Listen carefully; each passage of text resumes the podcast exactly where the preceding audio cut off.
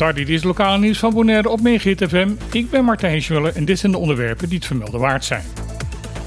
Gisterochtend is in een persconferentie met onder andere gedeputeerde Hens Tielman bekendgemaakt dat de belangrijke verkeersweg Kaya Corona de komende vier maanden verder zal worden opgeknapt.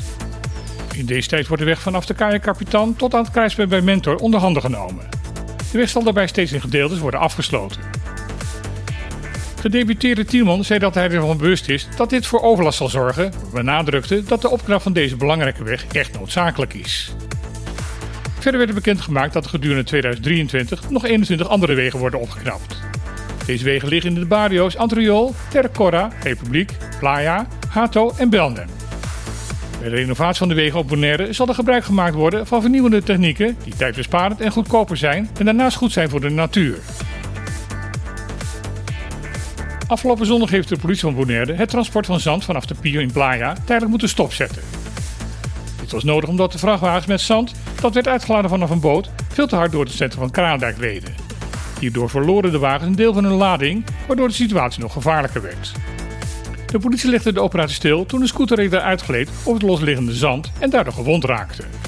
De betreffende weg werd afgesloten en de vrachtwagenchauffeurs moesten eerst het losse zand verwijderen voordat er verder gereden mocht worden. De politie heeft aangekondigd de situatie scherp in de gaten te houden om de veiligheid van alle weggebruikers te kunnen garanderen. Natuurbeschermers in Aruba hebben zeer hard aan de alarmbel getrokken over de toestand waarin het koraal rondom het eiland zich momenteel in bevindt. De gevaarlijke koraalziekte Stonychorotische loss disease blijkt bij ons buureiland veel harder te hebben toegeslagen dan rondom Bonaire en Curaçao. Op meerdere plekken is meer dan de helft van het koraal momenteel aan het afsterven. Natuurorganisatie zegt dat dit komt omdat het koraal bij Aruba zich al in zeer slechte toestand bevond voordat de ziekte toesloeg. Daardoor was het extreem kwetsbaar voor de ziekte. Dit is een groot verschil met de zustereilanden. Volgens intermens van het Arubaanse marinepark, Sietske van der Wal, zou het uitroepen van code zwart terecht zijn, maar voorlopig weigert de overheid van Aruba te spreken van een crisissituatie. Wel wordt er gekeken op welke geïsoleerde plekken nog koraal te vinden is dat niet is aangetast. Deze plekken zullen in de toekomst zeer belangrijk worden als donorplaatsen. Op die manier kan er geprobeerd worden om plaatsen waar het koraal is afgestorven opnieuw te bevolken met gezond koraal. De verwachting is dat de huidige epidemie van Skytteldie rondom de Aruba nog minstens vijf jaar zal gaan voortduren. Als zo doorgaat wordt het erg stil rondom de Binnenhof in Den Haag. De partijleiders van VVD, CDA, D66 en diverse andere politici hun vertrek uit de landelijke politiek hebben aangekondigd, heeft nu ook de oprichtende lijsttrekker van partij Bijeen, Sylvana Simons, aangekondigd niet meer naar de verkiezingen te zullen terugkomen. De komst en de aanwezigheid van Simons in de politiek is niet zonder de nodige strubbelingen gegaan. Vanaf het eerste moment is haar politieke carrière omringd geweest met conflicten en mensen die uit de partij werden gezet of zelf uit de partij wegliepen.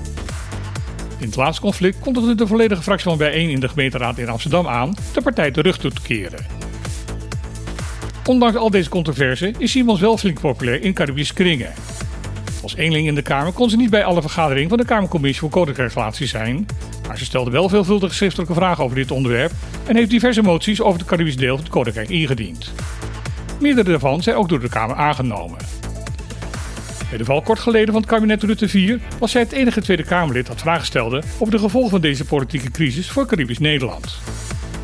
De reden die Simons opgeeft voor haar vertrek is dat zij niet meer campagne wil gaan voeren op een bed van onware frames over haar.